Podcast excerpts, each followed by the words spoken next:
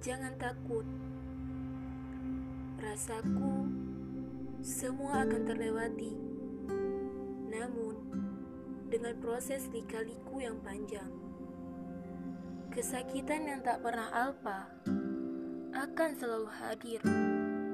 Pengorbanan yang insya Allah mendapat balasan yang setimpal.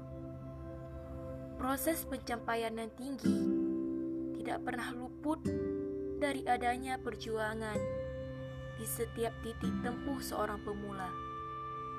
Salahkah jika pikiran dan hati ini bergerak, mengharapkan hal yang tidak pernah digapainya, dan ragu berada di ambang tengah perjuangan?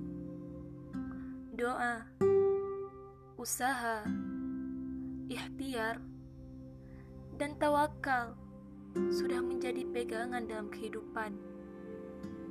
Namun, ketika melihat perjuangan insan di sekitarnya, dia malu akan usaha yang tak seberapa dengan harapan yang telah diikat setinggi langit.